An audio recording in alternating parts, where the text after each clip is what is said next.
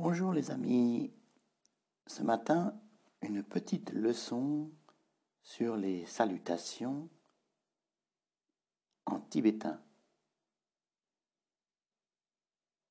Tsamala tashdele. Bonjour à tous. Tsamala tashidele. Bonjour à tous. Tering aujourd'hui, Tering, Nanso, nous, Nanso, Tsamdri, les salutations, Tsamdri, Yin, on va apprendre.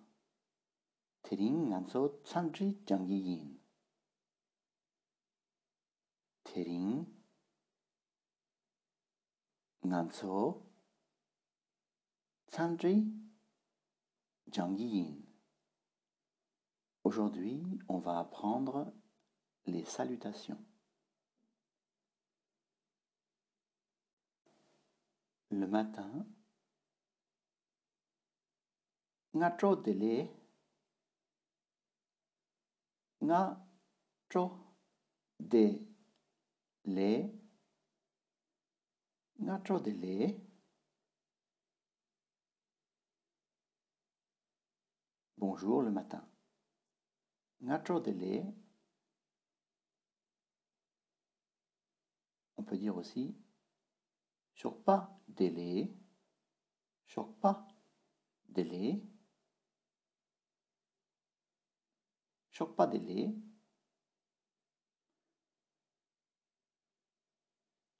Bonne après-midi.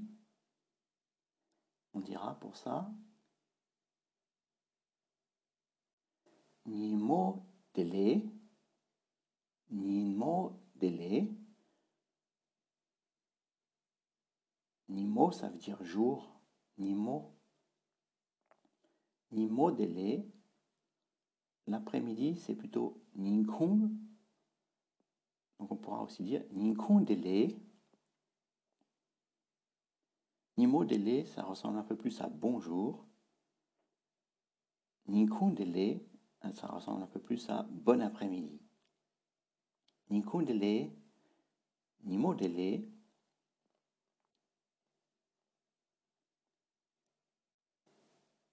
Le soir, on dira gonjo dele, gonjo dele. Vous reconnaissez ton bas, ton haut, ton bas, ton haut. Gonjo dele. Bonsoir. Bonjour délai. Et pour dire bonne nuit alors Simja Nango.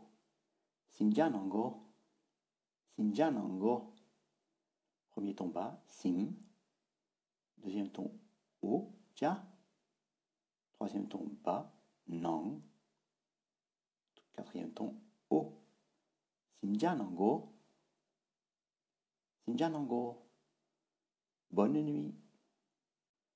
Quand on arrive chez quelqu'un et qu'il nous invite à entrer, il nous dira bienvenue. Charpenang. Alors, Charpenang. Premier ton haut, cha avec un R à la fin, char.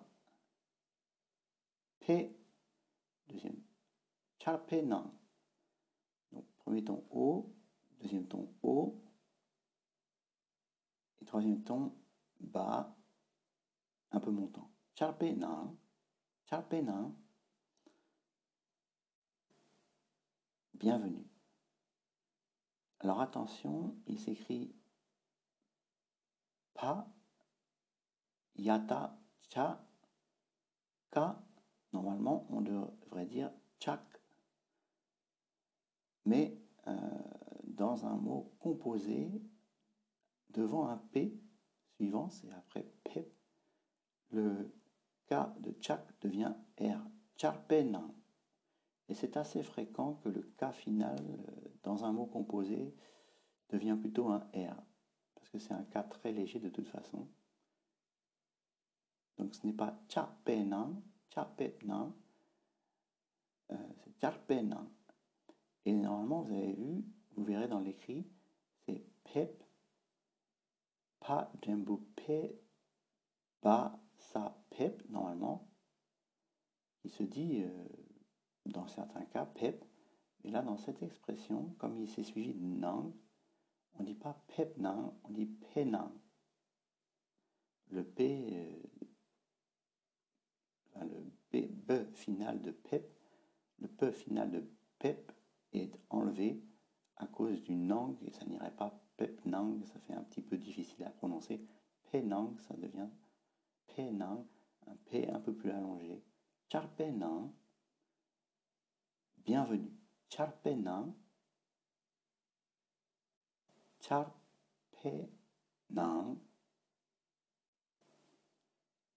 au revoir. Kalepe, Kalepe.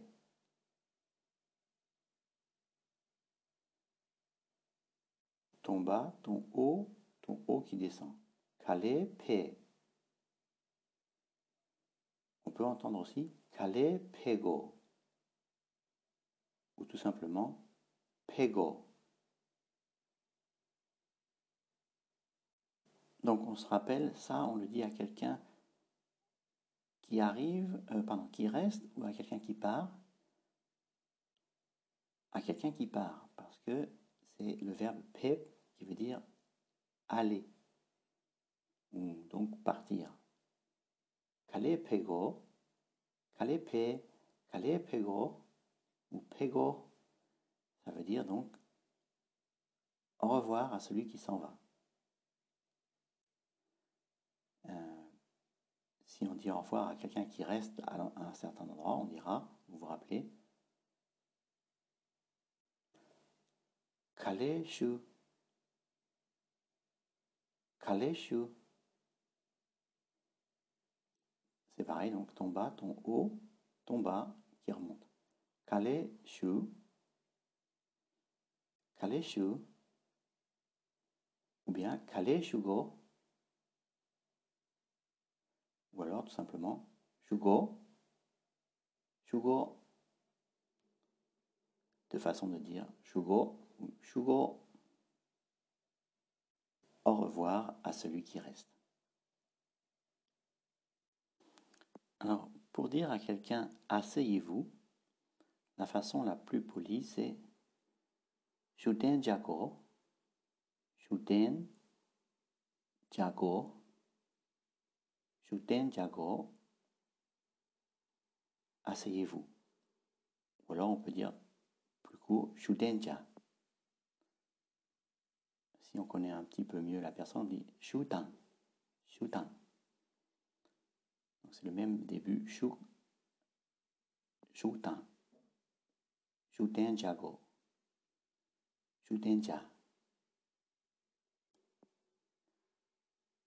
Alors, quand quelqu'un nous remercie, il va nous dire Tujiche, Tujiche, Tujiche, Tuk, ton haut, Jie, ton bas, che, ton haut, tout che, ça reste plutôt à, peu près tout en haut, tout che,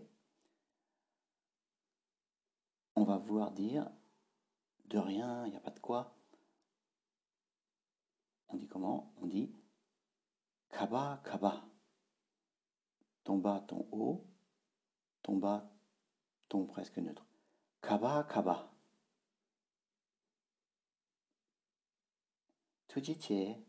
Kaba Kaba.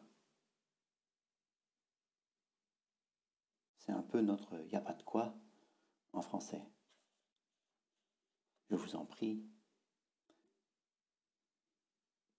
Pour dire excusez-moi, hein, quand on a une demande à faire, on dit Gompa Matsom. Gompa.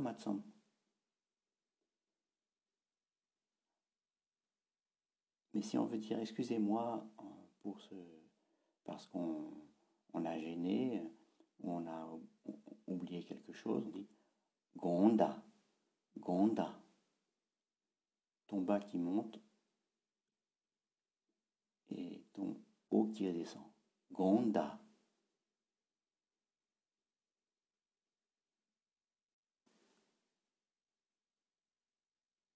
Donc, Gompa Matsom, Gompa Matsom, Gompa Matsom, c'est le excusez-moi avant de, poser une question. Gompa Matsom, on peut dire aussi Tuksun Shugyur. Ah, Tuksun Shugyur, pardon, je vais vous déranger. Tuksun Shugyur, Tuksun Shujur, les deux, on peut dire. Tuksun Alors on dira pour euh, rassurer la personne, Keyomare, Keyomare. Ça veut dire, euh, oh, il n'y a pas de quoi, je, vous en prie, c'est pas grave. Ke, ke, pardon, ke yo mare, ke yo mare, ke yo mare, pardon, donc mare, ke yo mare. Bon, j'arrive pas bien à distinguer les tons, mais c'est ke yo mare, ke yo mare. Ou une seule fois, ke yo mare c'est pas grave.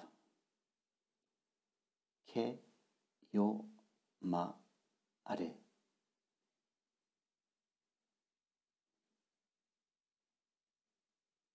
Pour dire à bientôt, Jema Jeyong, Jema Jeyong. On veut dire juste on se revoit, hein. Yankyar Jeyong, Yankyar Jeyong. à demain, sans Nin Jeyong. Donc, Jel, dans tout ça, c'est rencontrer, donc se, se revoir. Yong, c'est la forme future du Jel, Jeyong. Yangkyar, ça veut dire encore de nouveau. Yankar Jeyong. Sang Nin, ça veut dire demain. Sang Nin Jeyong, à demain. Jema, ça veut dire une prochaine fois, plus tard. Jema Jeyong. Et certains disent des fois Jela Jeyong. Jela, ça veut dire après, juste après. Jela Jeyong. Tets Jela Jeyong. À tout à l'heure. Oh, Tets Jela Jeyong. Voilà. Tets Jela Jeyong.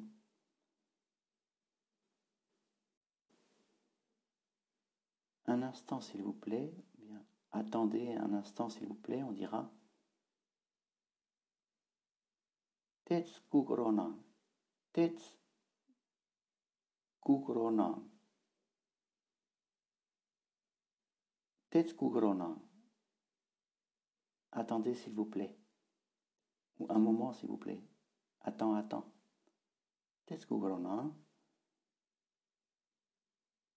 On verra peut-être répondre Ouais, ça va, t'inquiète pas.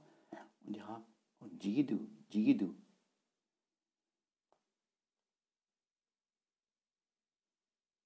Ça veut dire ça va, pas de problème, Jigidu.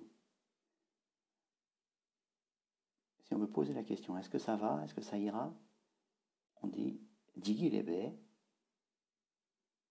Un Digilebe, par exemple, ça, va si on attend un peu Tetskugna Digilebe. Oh, Jigidu, Jigidu. Pas de problème. Tetskugna Jigilebe, ça ne te dérange pas d'attendre un peu Jigidu, Jigidu, ça va, ça va. Jigidu.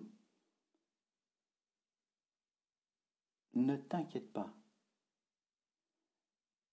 Semjem Manang Ronan. Semje manan ronan. Ne t'inquiète pas. Semjel, c'est l'inquiétude. Manan, ne fais pas. Ronan, s'il te plaît. Semje manan ronan. Semjel manan ronan. Semje manan ronan. Euh, parfois, on peut entendre un peu plus familier. Semje mache a. Semje mache a. Che, c'est le verbe faire. Ma, c'est la négation. Mache, donc c'est ne fait pas. Mache, c'est le, euh, la forme formelle de manang, qui est la forme honorifique. Manang. Et le ronang, c'est s'il te plaît, très poli.